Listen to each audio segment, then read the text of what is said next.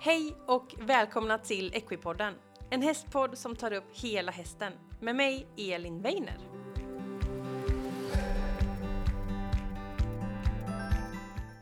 Hej alla fantastiska Equipodden-lyssnare och välkomna till veckans avsnitt.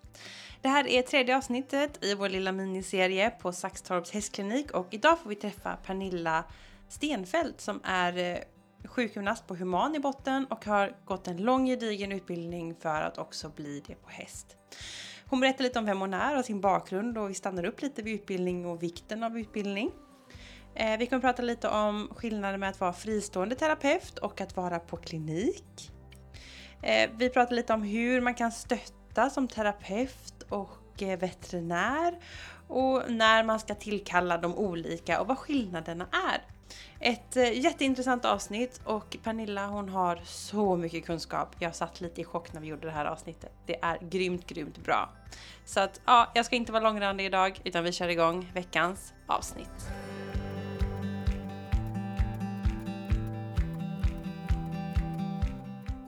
Så, då hälsar jag välkommen Pernilla Stenfeldt. Hej! Hej, hej! Hur mår du? Jo tack, jag mår bra. Jag mår bra. Härligt, härligt. Och eh, vi är ju fortfarande på Saxtorps hästklinik. Eh, och lite vår, vi pratade om att det var lite vårvarmt ute idag. Mm. Eh, och eh, du arbetar ju som eh, terapeut här, eller hur? Ja. Och eh, vi ska ju prata om eh, ja, häst och eh, vad man kan göra och jämfört med att vara hemma i stallet eller åka till klinik och massa spännande saker ska vi Mm. gå in på. Ja. Men jag tänkte att du kunde få börja med att berätta lite om vem du är och din väg hit. ja, eh, det ska jag. Jag heter ju Pernilla då och eh, jag är legitimerad sjukgymnast. Nu för tiden heter det ju fysioterapeut, men eh, på min tid så var det sjukgymnast. Eh, Och sen så har jag vidareutbildat mig på universitetet i Liverpool tre år till en masterutbildning inom eh, veterinär fysioterapi. Oj, häftigt! Mm. Så eh, ja, och min, vad jag börjar med egentligen är att jag varit hästnörd hela mitt liv eh, och började rida när jag var sex år på ridskola. Och sen så, ja, jag har verkligen älskat hästar liksom Mm. hela livet och Mm. älskat ridning verkligen. Och eh, fick min egna ponny sen när jag var 11-12 och kom på att man kunde tävla och tyckte det var roligt. Så jag, jag tävlade mycket som ponny i hoppning och sen kom jag eh, på att det fanns fälttävlan som jag verkligen fastnade för jätte- jättemycket. Häftigt. Och sen eh, fortsatte det på stor häst så jag är en av de som inte har gjort något uppehåll egentligen. Utan alltid har haft hästar i mitt liv i alla fall. Ja. Och ehm, fortsatte med framförallt det hoppning och fälttävlan och fälttävlan är det väl den gren jag har kommit längst i. Mm. Eh, och sen åkte jag utomlands och arbetade på fälttävlansstall i Mm. Frankrike en period. Mm. Eh, red många hästar och sen ehm, ja, så kom man hem och sen fortsatte det. Och sen så tidigt så eh, har jag varit intresserad av det här med rehab och, Ja. och att eh, eh, egentligen startade väl med att en, en ponny för länge sedan, då var jag kanske 16-17 år, som skadade sig. Mm. Och, som, eh, och nu pratar vi då mitten på 80-talet. Ett tag sedan. och då fanns det inte så mycket rehab-tänk inom Nej. veterinärmedicinen. Nej. Så då eh, väcktes tanken att här fattas en yrkesgrupp helt Vi enkelt. kan göra mer här. Ja, här kan vi göra det bättre. Mm. Mm. Eh, och sen blir det som det blir att jag jobbade med ganska många andra saker. Jag jobbade med byggnadskonstruktioner och arkitektur och sådär Ja, en, en, en period. Och sen, men sen så, ja, så efter ett tag så växte det väl fram att jag ville ändå ta tag i det där som jag hade funderat på. Mm. Så då eh, sökte jag in till sjukgymnastutbildningen på Mm. Karolinska institutet i Stockholm. Och det är ju till människa. Det är till människa. Ja. Så då började jag där eh, och läste till sjukgymnast för människa helt enkelt. Ja. Och sen så jobbar jag med människor också. Mm. Eh, både på vårdcentral, på sjukhus, på intensivvård, inom reumatologi, team och inom handkirurgi och inom ortopedi och så. så att, ja, så, så, eh, men alltid har det väl funnits det där att jag skulle ju tagit det vidare här då till, till hästarna Ja, ju. just det. Så att eh, eh, på den vägen Mm. är det att jag, vad är det nu då, 2005 tror jag, 05 eller något sånt så, Mm. sa jag upp mig från min fasta anställning och, och kastade mig ut i denna Modigt. världen här kan man Ja. säga. Och på den tiden så fanns det fortfarande inte så mycket. Nej. Det fanns inga utbildningar, ingenting Nej. sånt då. Så att eh, det var ett ganska nytt Mm. område Mm. faktiskt. Och då Eh, hamnade du i Liverpool? Eller var Ja, det- så småningom gjorde det. Ja. Eh, Just då fanns ju inte den möjligheten men, men eh, jag började arbeta på, först på min kunskap inom sjukgymnastiken på människor och försökte överföra det på häst. Det var det Ja. enda sättet som fanns på den tiden så Just det, det. fanns inga möjligheter till vidareutbildning på det viset. Mm. Eh, och sen så, eh, men sen bestämde sig jag och eh, min kollega Kajsa Eriksson uppe i Stockholm för att vi skulle bli de första att gå masterutbildningen i Liverpool här från Ja. Sverige så att då gjorde vi det och vi var klara med den 2016. Wow! Mm. Och den är två år då? Den är tre år. Tre år till Mm. och med? Jäklar! Man kan välja att gå två år och Mm. eh, ändå så att säga ansöka, ja vi pratade om det innan med, eh, man kan bli som legitimerad sjukgymnast kan man bli godkänd av Jordbruksverket för arbete med djur inom Mm. djurens hälso och sjukvård som det heter. Mm. Eh, och det kräver ju vidareutbildning i, i eh, veterinärmedicin så att man kan Mm. inte bara vara sjukgymnast och bli godkänd av Jordbruksverket. Det fungerar Nej, inte. nej. Utan, utan det krävs också två års arbetslivserfarenhet som sjukgymnast och sen så krävs det minst eh, två års till Mm. vidareutbildning på universitet och Mm. högskola. Mm. Eh, Wow. Så det är det som gäller. Ehm, så att eh, att bli då godkänd tar ju då sju år. Ja, verkligen. Så att det, Det, det, det är ju en eh, kanske onödigt lång väg och jag är väl den som anser att det borde finnas en utbildning direkt till Mm. djurfysioterapeut på, på universitet högskola som är Precis. på en akademisk nivå så att Just det, säga. just Mm. det, just det. Det Ja, det finns det ju väldigt mycket sådana där eh, ströutbildningar idag. Man kan gå Mm. någon vecka här och var och så och så och Ja, titulera sig lite med olika namn och sådär. det Men, finns det. Men man kan inte bli godkänd då av Jordbruksverket. Precis, så det är en skillnad. Det är en skillnad Mm. och eh, det spretar lite grann med de här Mm. med utbildningarna ju. Så att det hade Mm. varit bra och vi behöver bli en st- större yrkesgrupp så att eh, vi Just det. behöver folk och ehm, vi är alldeles för få i Sverige som det ser ut idag. De är Mm. fler på hundsidan än vad vi är på hästsidan. Jaså, det så till och med. Ja, Tänker Hundsidan. hästsporten är ju ändå lite större än hund. Alltså många har ju hund men kanske Mm. inte tävlar med hund så Nej, som vi men- tävlar med häst. Jag arbetar lite med hund också faktiskt. Ja, Eh, det var inte meningen från början men det blev så. Det är väldigt trevligt Ja, faktiskt att eh, och arbeta med det djurslaget också. Så att, eh, men hundpopulationen i stort är ju större kanske än hästpopulationen. Så att, ja, så så det. att det är inte bara liksom hundar som tävlar eller så utan det är Mm. hundar skadar sig Mm. på olika sidor och drar korsband och får ont i ryggen och sådär. Så att det, där, där är en större Smådjurssidan är större än hästsidan Ja. även på veterinärsidan och så också. Just Så att det, Just det. Ja, men, spännande. Men det är ju hästar som ligger mig egentligen Ja, närmst ändå. ja, precis. Ja, det är en lång väg. Mm. Lång väg. Men jag måste ju bara stanna upp och fråga det här. Det är ju hur häftigt som helst att åka till Liverpool. Hur var Mm. det? Kan du inte berätta lite om det? Jo, förutom att vi missade flyget och hamnade på festen. Det var en annan historia kanske. Ehm, Det är ju då en utbildning där som är på universitetet som är på, det är en veterinärhögskola som utbildningen går på. Mm. Eh, och ehm, det har ju blivit så nu att det är hela tiden nu, varje årskull nu så har det varit eh, fler, fler och fler svenskar som har åkt dit. Så att, Coolt. så att eh, vi är väl, så kan man då välja att gå de två första åren som sagt och sen, eller kan man då välja att gå det tredje och där man gör ett eh, vetenskapligt arbete då ju, och eh, får en masterexamen då. Mm. Mm. Och det är ju några stycken, så nu är vi nog, ehm, ska vi se så jag inte säger fel här, men vi är i alla fall en fem, sex stycken tror jag nu som Mm. har, Mm. har gått Det igenom bra. det och några fler som har gått två år då Mm. som, som eh, har fått den utbildningen. Mm. Så det, det är en väldigt bra utbildning, den är jättetuff eh, verkligen och engelsmännen är tuffa när det gäller eh, Mm. examinationer och tentor så här Ja. också så att vi har det ganska bra i Sverige ibland faktiskt. Men, och jag måste ju säga att de engelska sjukgymnasterna som vi gick tillsammans med, vi var folk från både Australien och, och eh, England och lite olika. Ehm, de är väldigt duktiga. De, Mm. Alltså redan på grundutbildningen så Mm. är de väldigt duktiga. Så man var lite imponerad av deras Ah. färdigheter faktiskt. Coolt. Ja. Coolt.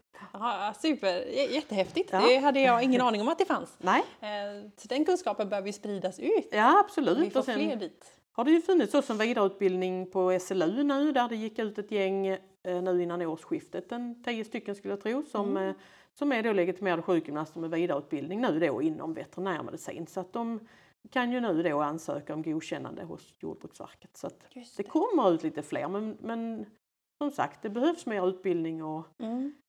Helst en utbildning direkt till det. djursjukgymnast. Och just det här med den vetenskapliga grunden Ja, som vi det är har det på som våra universitet. skiljer mest då, att den är Mm. väldigt mycket fokus just på vetenskap och Mm. beprövad erfarenhet. Är man legitimerad så har man en skyldighet att arbeta efter vetenskap och beprövad erfarenhet. Så det Mm. är ju ingen skillnad mot när man jobbar med människor Precis. Ja. och allt det andra med journalföring och tystnadsplikt och, och sådana Mm. saker såklart. Spännande. Mm. Och hur hamnade du här då, på den här kliniken? Jo, eh, jag började ju först att ambulera runt och Mm. eh, jobba så och sen så är det nu tio år sedan faktiskt som Anne helt enkelt ringde till mig och frågade om jag ville komma och jobba. Ja. Så att eh, det är på den vägen. Ja, Och hon headhuntade dig. Ja, det gjorde hon faktiskt och sen eh, ringde de uppifrån Hallands djursjukhus så att jag är där också i Slöinge. Ah, och de har i och för sig frågat från fler ställen men man kan ju inte vara Nej, överallt. Så och sen eh, jobbar jag som sagt lite grann på en hundklinik också. ah. Mm. Och sen tar jag emot lite patienter hemma. Jag bor på en gård utanför Ängelholm och har Mm. fyra hästar själv där fortfarande. Då, så jag, jag försöker rida så mycket jag kan Oj, oj, oj. fortfarande men det, Det är fullt på dagarna då. ja det är det. Wow. Häftigt, Ja, häftigt. jag tycker det är roligt. Så att, Och vi tänkte vi skulle börja med att gå in och prata lite om det här med skillnaden att åka runt Mm. eh, och träffa en häst hemma hos hästen eller att Mm. vara på klinik. Liksom, vad, Mm. vad är de största skillnaderna? mm. Eh, Den största skillnaden är ju klart att man jobbar i teamarbete eh, och att man har teamet runt sig liksom kanske på ett annat sätt. Jag har alltid jobbat tillsammans med veterinärer. Mm. Eh, Det måste man nästan göra faktiskt. Ehm, För att få den hjälpen också. Men, men, men det är skillnad såklart när man är på kliniken och är tillsammans med varandra och kan bolla, bolla frågeställningar och, och eh, patienter lite fram och tillbaka. Och så, så det, och, och så är det ju trevligt att ha arbetskompisar också. För den. men, eh, så det är en, en eh, skillnad. Sen en annan stor skillnad är att man får lite svårare fall när man är på en klinik. Mm. Det, Mm. Hästarna kommer ju oftast hit i första hand till veterinären för att de är halta eller ont i ryggen eller att det är något tydligt problem. Mm, mm, Så att det är ofta så att vi har ganska komplicerade fall, eller jag får ganska komplicerade fall som har mycket mer än ett problem. mm, Eh, och har man gått länge med något så, så ehm, har det också utvecklats massa sekundära mm. kompensationsmönster och sekundära ehm, ja, andra saker så att säga som man Mm. måste ta tag i. Man Mm. måste se på helheten där är ju jätteviktigt att man, man eh, försöker få in alla, alla delar i det här för att Mm. det ska bli en hållbar lösning. Mm. Eh, ute på, när man åker runt på olika stall så är det ju kanske mer av friskvårdsbehandling eller att man vill checka av sin häst, att man vill att någon känner över den och tittar igenom den. Och, Mm. eh, så att det är, det är väl det som är den största, eller egentligen den största skillnaden. Så. Och, det, Mm. och jag tycker det är jätteroligt med det här detektivarbetet Ja, eh, när det. man får mycket att bita i. Men samtidigt så är det ju också svårare. Ja, Såklart. så det. Att, eh, mm. Det. Och det andra blir mer ett underhållande kontinuerligt arbete. Ja, precis. Ja. Mm, mm. Och när ska Så. man, om man har en häst och man känner att det är någonting, det Mm. behöver kanske inte vara sådär jättestort som det kan Nej. vara ibland när de går länge. Är det, ska man liksom, när ska man ta ut en, en terapeut eller en sjukgymnast till stallet eller när ska man åka in? Liksom, när, Mm. Var går gränsen? Eller det är Mm, svårt Den att svara är på ganska såklart. svår för Ja. att eh, min erfarenhet är där att, att eh, jag tittar till exempel alltid på hästarna i rörelse. Mm. Och eh, det är otroligt viktigt att göra det därför att när man kommer ut i ett stall och någon säger min häst har lite ont i ryggen för att den är Mm. lite spänd i ryggmuskulaturen. Så är det ganska ofta att det är en sekundärt problem till en hälta till exempel. Mm. Eh, och så fort en häst, egentligen så är det så här att vi har ju en lagstiftning som säger att har man ett djur som har ett problem så är man enligt lag skyldig att ta kontakt med veterinär. Mm. Eh, så att, och det allra bästa är ändå om man känner att det är ett problem så ska man åka till veterinär först. Mm. Eh, eller är det också viktigt att en sån som jag eller någon annan som jobbar på liknande sätt är väldigt ödmjuka inför det och Mm. inte står och behandlar något sekundärt problem det. i stallet. För att då kan man stå och behandla en häst som egentligen är halt eller har något annat bekymmer och då helt enkelt får inte hästen rätt hjälp. Mm. Och, eh, så där, där har man egentligen en ganska stora skyldigheter som, som djurägare också. Och som terapeut är det otroligt värdefullt att ha en veterinärundersökning gjord. Mm. Så att man vet var man börjar någonstans också. Så att, eh, så att, eh, och sen så är det väl en sak om man har en häst som ändå fungerar som man bara vill vill att någon ska känna över och, och, och ha kontroll på det. Liksom. Då Just behöver det. man ju inte åka kanske iväg till veterinär. Men, men om man har ett problem Mm. så kan det ibland vara så att, att, att hästen kanske har andra saker som man själv inte har, har haft möjlighet att se heller. Så att det, Mm. det är en trygghet att ha en veterinärundersökning i, i botten där först. Just det. Och det är ofta snabbaste vägen framåt också. Mm. Att Mm. man gör rätt sak i rätt ordning. Mm, just det. Så oftast hästarna som kommer till dig har gått igenom veterinär Ja, och veterinären väljer att Ja. skicka till dig. Och jag, precis, de flesta är det så med och, det finns eh, folk som, som eh, tar mig som första Nu är jag ju godkänd djurhälsopersonal och Mm. då får man lov att kontakta mig också som första instans. Mm. Men jag är väldigt snabb med att, att skicka iväg till veterinär om, om jag är det minsta osäker på någonting eller så, så är jag väldigt snabb med det. Så att, Mm. så att eh, jag är inte intresserad av att göra konstgjord andning så att säga och, och hålla på och behandla samma sak många gånger. Mm. Eh, utan jag vill ha en håll... Jag, jag jobbar för att folk inte ska behöva mig säger Ja. Så att jag jobbar inte för att, att bara komma tillbaka, komma tillbaka, komma, utan Mm. jag vill ha en hållbar lösning på Just ett det. problem. Just Mm. det. Det, det är jätteklokt och, och veterinären har ju andra verktyg också. Absolut. Och det, det är väldigt stor händer. skillnad på just friskvård om man tänker friskvårdsbehandlingar eller om man tänker eh, att man har ett problem. Mm. Mm. Mm. Det är två lite olika saker. Mm. Precis, som tänker sjukvård och friskvård. Ja. Mm. ja. Men eh, om man tittar på friskvård, för det är många som har att man kommer ut och Mm. eh, behandlar hästarna med jämna mellanrum. Är det bra att göra det?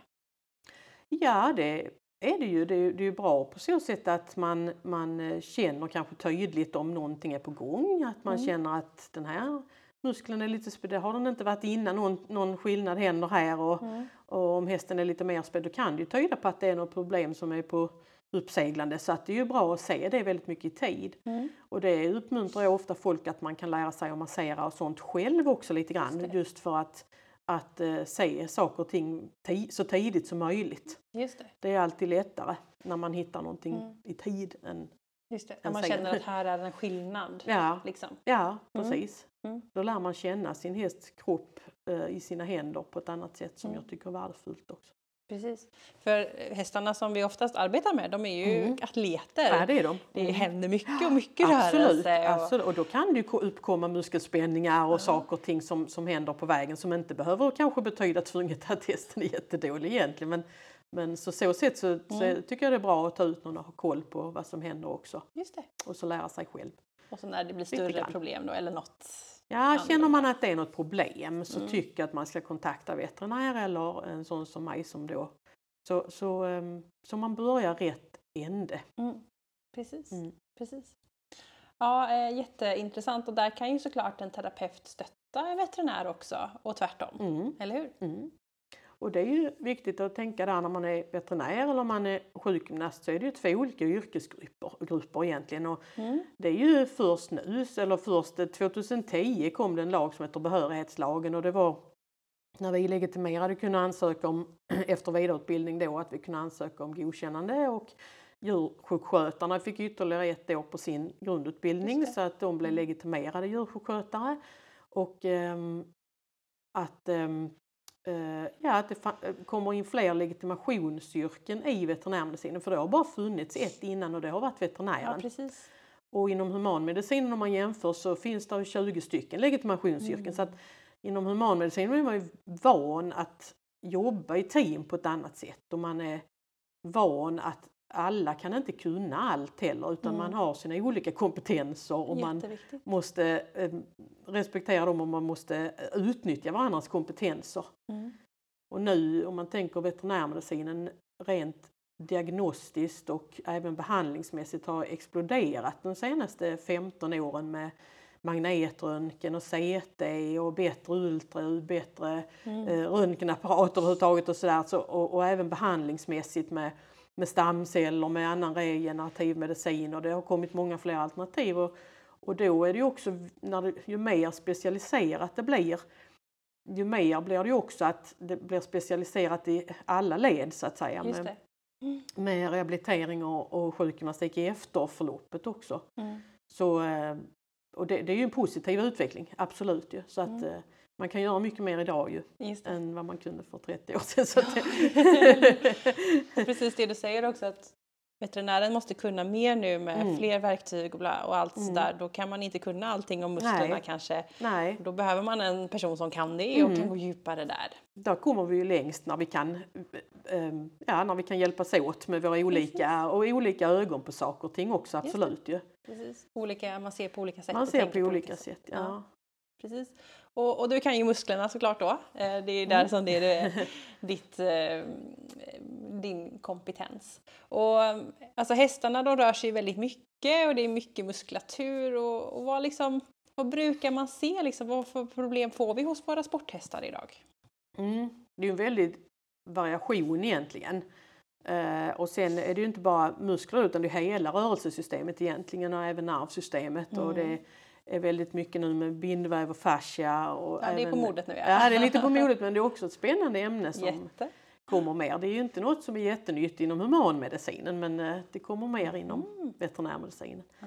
Eh, Så att det, det är spännande områden och allting hänger ihop och man har ju börjat att kanske se lite bort ifrån det här att en muskel bara går från ett ställe till ett annat och gör, gör den en sak utan man kanske ser mer till en helhet hur allting samverkar och samspelar och Mm. hur alla samband är och det är där också kanske förklaringen ligger i ibland för att få en skadad häst eh, frisk att man, man kan se helheten och sambanden i vad som händer och vi ska inte glömma bort ryttaren i detta såklart och, det. och jag som sjukgymnast som har jobbat med människor också tittar ju väldigt gärna på ryttaren också för det är klart har vi en ryttare som belastar hästen ojämnt eller sitter snett eller inverkar på något sätt som man ofta själv inte vet om att man gör så, så Mm. kan vi kanske behandla hästen till en oändlighet. Ju. Precis. Det kommer bara tillbaka för ryttaren sitter Ja, fortfarande fel. precis. Så man måste hela tiden... ehm, Så min, min, ehm, det här, jag får ofta frågan så här, vad, vad är det vanligaste problemet, vad, vad kan man göra åt det? Och Ja. att man vill ha liksom som en liten kokbok Precis, kanske. eller lite så här, testa Eh, det här, ett så. ja. Och så eh, tyvärr enkelt är det ju inte. Så det, det, eh, det fungerar inte riktigt så utan därför om man säger att någon ringer till mig och säger att min häst har ont i ryggen, vad tänker du göra åt det? Så säger jag, det har jag inte en aning om för jag har inte sett hästen. Ja. Ehm, så, så därför är det, det är viktigt att lyfta också tycker jag att eh, rehabilitering, sjukgymnastik, fysioterapi det, det, är inte, det handlar inte om olika metoder egentligen inte utan det Mm. handlar om en process. Mm. Eh, där man egentligen börjar med, som jag börjar alltid med att ta en noggrann anamnes, alltså en intervju med djurägaren Mm. eller ryttaren. Och, eh, det har ju veterinären oftast redan gjort men jag kanske vill ha andra frågor Mm. eh, och frågar kanske lite mer ehm, detaljerat om någon säger att en häst är svår i höger varv så blir det lite grann att och vad, innebär det då? Ja, precis. Och Vad betyder det att det är Ja, svår? precis. Det kan så. vara så, att, jätteolika. så kan man inte svara på det och så blir det svårt men i alla fall. Eh, och sen, sen tittar jag alltid på hästen i stående. Hållningen säger väldigt mycket om hur en häst använder sin kropp för Mm. egentligen är det det det handlar om, ergonomi Mm. för hästen. Att, Mm. att den ska kunna, nu när vi väljer att använda dem som vi gör så måste vi se till att de kan använda sin kropp så de sliter så lite som möjligt på den egentligen. Mm. Ehm, och, ehm, så jag tittar alltid på den stående och tittar alltid på den i rörelse. Mm. Sen så småningom ridningen också, det är inte alltid att det är läge första gången för den kanske är behandlad för några hältor eller har ont i alltså så, så att det Ja. får man göra när det Precis. går men det är många eh, man, man, man får lägga hela pusslet egentligen. Mm. Eh, och sen gör man en noggrann undersökning där man känner igenom hästen överallt och, och eh, gör olika funktionella test och, och sådana saker. Och sen utifrån det så, så gör man upp en plan. Och det är väldigt viktigt där att göra rätt sak i rätt ordning. Så har en häst exempelvis smärta mm. då måste man adressera det Mm. i första rummet. Och Mm. det är ju ofta också en veterinärsak såklart. Mm. Eh, där har vi också metoder såklart, så där hjälps vi åt. Men att det, det måste man, man eh, ta, ta liksom på allvar. Det, det är likadant, man vet själv om man har jätteont i ryggen så kan man Ja. kanske inte börja det första man gör med, med träning. Även om träning också är smärtlindring Mm. och, och eh, en lösning på problemet. Så att därför så kan det börja med andra saker som kanske akupunktur, kanske laser, kanske olika typer av den typen av metoder. Mm. Massage, eh, mobiliseringar, olika manuella tekniker. Det beror helt och hållet på. Mm. Um, har man en nedsatt rörlighet så får man göra något åt det men har man inte det så behöver man inte. Så att det, det finns ju ingen metod som hjälper på allt. Nej, precis. Det är viktigt att komma ihåg för det marknadsförs ibland så. Mm. Ja. Att man har en grej som löser världens problem och så funkar det inte i verkligheten helt enkelt. Precis. Utan det är väldigt individ. Det är väldigt individanpassat Mm. och, och, och man kan ha två hästar som till synes kanske har samma bekymmer men som vi får gå in och behandla på Mm. och ta hand om på två olika sätt. Just det. Nej, man hör ju lätt vara. ibland sådär, ja men min häst fick laser, det blev jättebra och då Mm. kommer nästa, hej jag vill också ha laser. Mm. Ja, nej. Och, Och då, så, och, det, och det, så, så fungerar det inte. Och det får inte. Om man då gör så så får inte hästarna heller rätt hjälp. För att, Nej.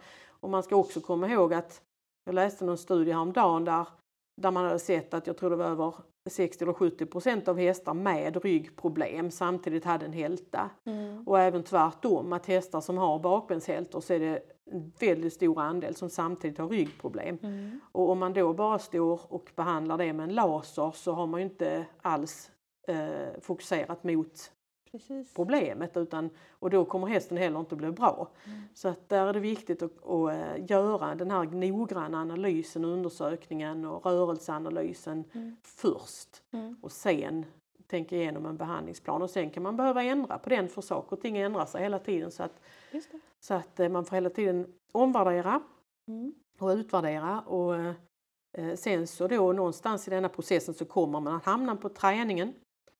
Eh, och eh, då pratar vi mycket i, i re, rehabiliteringen så pratar vi mycket om stabiliseringsträning, proprioception, alltså hur man känner att man finns i rummet så att säga. Ja, ja. Eh, balans, kroppskontroll, sådana saker måste man ofta om man har haft en skada då måste man adressera de problemen först innan Mm. man kan börja använda sin kropp mer explosivt eller i mer rörelse för att Mm. annars är man också inne i en risk, en, en risk så att säga. Det, vet alla som har skadat knäet att, Mm. att eh, det kan kännas lite instabilt eller Mm. eh, så här att man inte riktigt litar på det och sådär. Mm. Och det är ju kroppens sätt att alltså där går nervsystemet in via hjärnan och hämmar eh, Mm. muskulaturen. Mm. Och det är ett ganska stort problem inom idrottsmedicinen för det måste man få så att säga ordning på först innan man kan ut och, och spela innebandy igen ungefär. Ja. Ehm, annars har man en skada igen. Ja. Ja. Och på hästsidan så har ju det där varit helt eftersatt eller man har inte ens tänkt på det tror jag. Mm. Eh, att har man exempelvis en knäledsskada eller till och med har varit och gjort en artroskopi i en knäled så får man en, en hämmad funktion i Mm. den stabiliserande muskulaturen. Mm. Och då har man ett knä som inte är helt stabilt Mm. och 600 kilos häst som Mm. går på det knäet hela tiden då för att man ska då ut och bara skritta med hästen eh, runt kvarteret en antal varv varje dag. Eh, Så kommer den hästen gå på ett knä som inte har fullständig kontroll Mm. och sen Mm. har man en artros i det knäet så småningom. Så att det är ett exempel på att göra rätt sak i rätt ordning och då Mm. har vi ju mer och mer nu har ju folk förstått att vi måste eh, se över det här med att hästen först måste hitta de här stabiliserande musklerna, hitta stabilitet, hitta den här kroppskontrollen igen eh, innan man, man Mm. så att säga gör, går vidare i träningen. Mm. Mm. Och det överlappar ju såklart varandra men, men eh, sådana saker är, är väldigt viktigt, liksom en sjukgymnastiskt tänk om man säger så. Just det. Och hur jobbar man med det då? Det kan man göra eh, olika övningar stående. Eh, Hästar Mm. får stå på balans, inte plattor kanske, men balansdynor och Ja. andra saker. Och, Ja. och eh, man gör olika stabiliserande övningar faktiskt i början stående i stallet. Mm. Att man får dem att ta vikt på benet, man kan Mm. dra dem i svansen, man kan göra, det finns massa olika, det gäller att göra saker rätt så att man ska inte. Fara på det själv Ingen kanske. ska ut och dra svansen här. Nej, nej men precis. Ehm, men att man, man helt enkelt får hästen att ta vikt på benet och börja använda rätt muskler igen.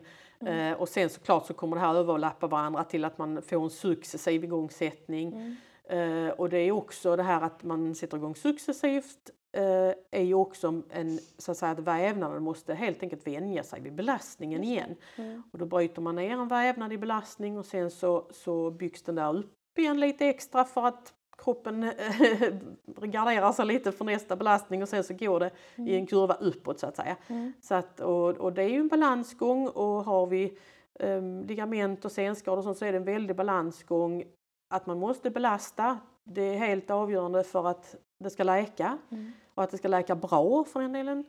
Um, så man måste belasta men man får inte överbelasta. Så att det är en väldigt fin balansgång mm. i det som man måste ha mm. koll på. Och det tänker jag, det måste vara väldigt svårt för, som hästägare att veta det. Ja.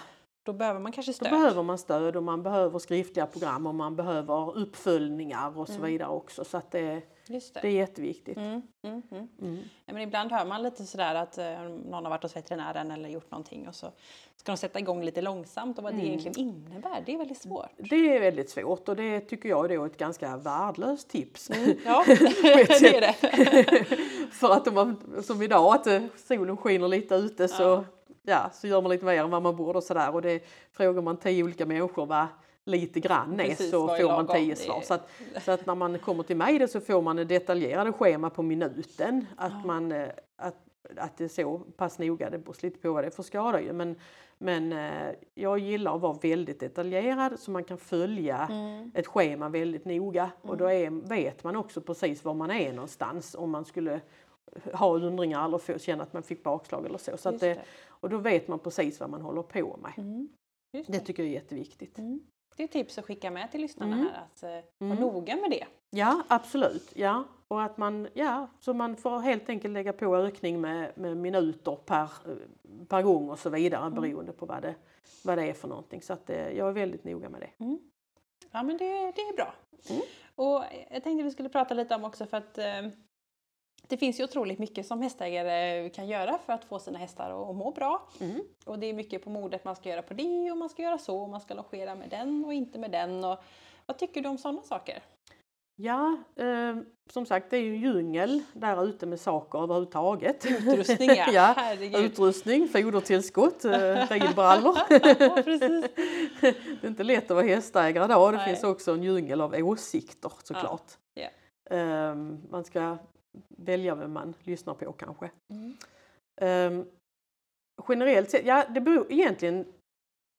Det som är fel, kan, som man kan säga som också um, ja, som vi ser skadorna av, det är att fixera in huvud och hals mm. för mycket. Mm. Det är direkt skadligt för hästarna, speciellt de här yngre. Vi har en avel idag med fantastiska rörelser och fantastiska förmågor så att säga. Men det är viktigt att komma ihåg att hästens vävnader och skelett och så vidare är inte alls eh, tidigare utvecklade, snarare nästan tvärtom. Och en häst med jättestora rörelser, och de, de har också en mycket större eh, en mycket större liksom, behov av att hitta den här stabiliteten och kontrollen mm. och de här små musklerna längst in, bukmuskulatur längst in vid ryggraden, Eh, inte minst heller runt halskotpelaren, eh, muskulaturen som lyfter upp bålen mellan frambenen exempelvis. Mm. Mm. Alla de här hållningsmönstren är otroligt viktigt för hållbarheten. Um, så att nu kommer jag knappt ihåg vad frågan var i och för sig. Men, ja. Ja men aveln är fantastisk idag men uh, vi är lite på väg åt fel håll mm. när vi också gör, när hästarna, det krävs tidigare och tidigare av hästarna att de ska prestera Precis. mer och mer och där mm. har vi en fullständig obalans egentligen. Mm.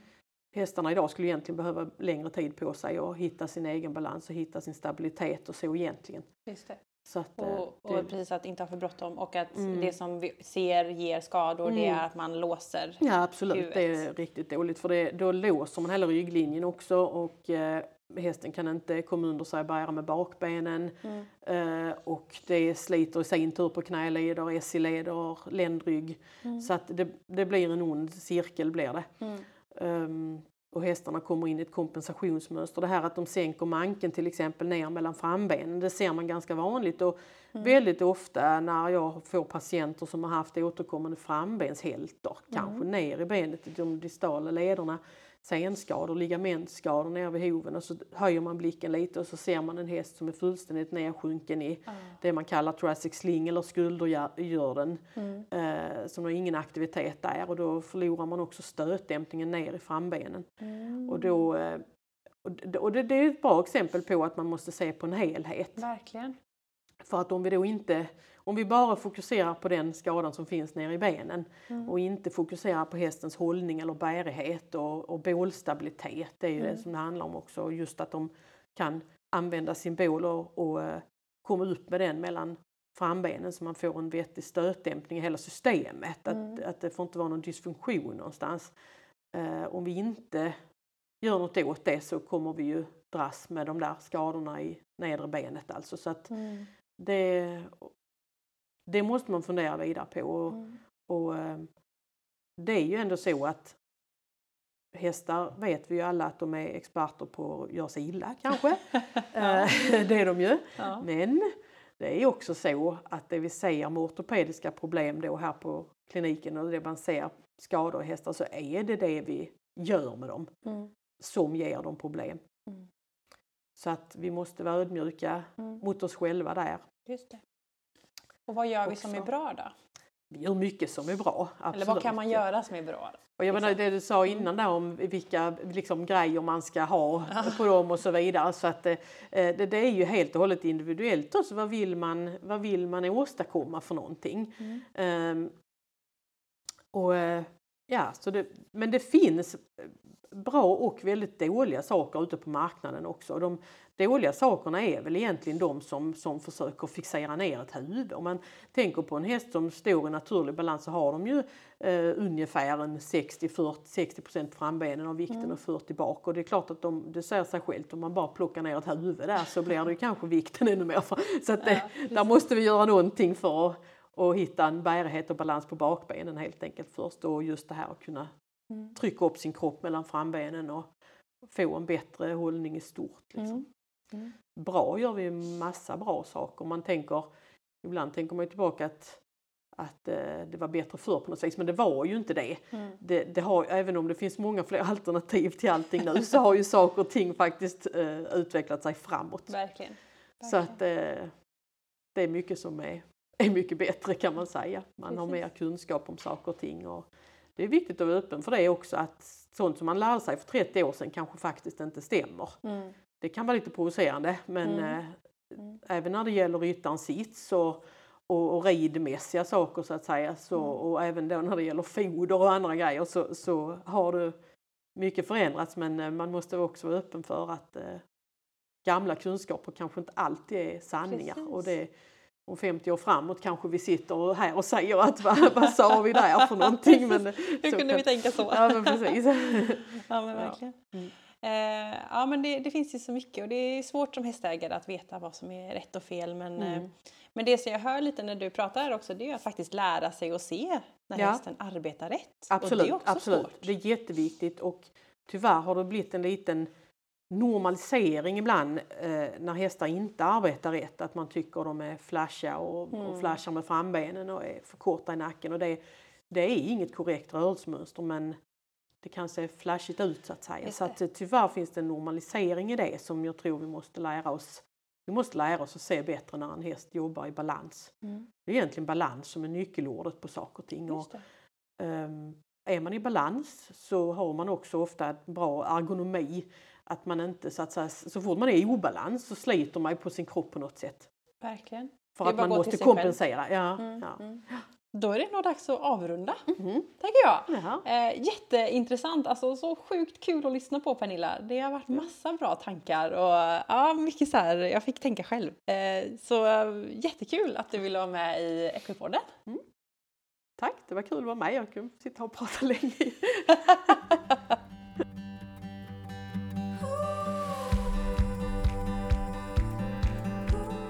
Visst var det bra. Pernilla hon kan ju så mycket och jag tycker det var så fascinerande att höra hennes väldigt djupa kunskap och det är det som är så roligt med att driva podd. Det är att man får djupdyka in i någon och liksom hitta kunskap. Ja, det, det var så bra.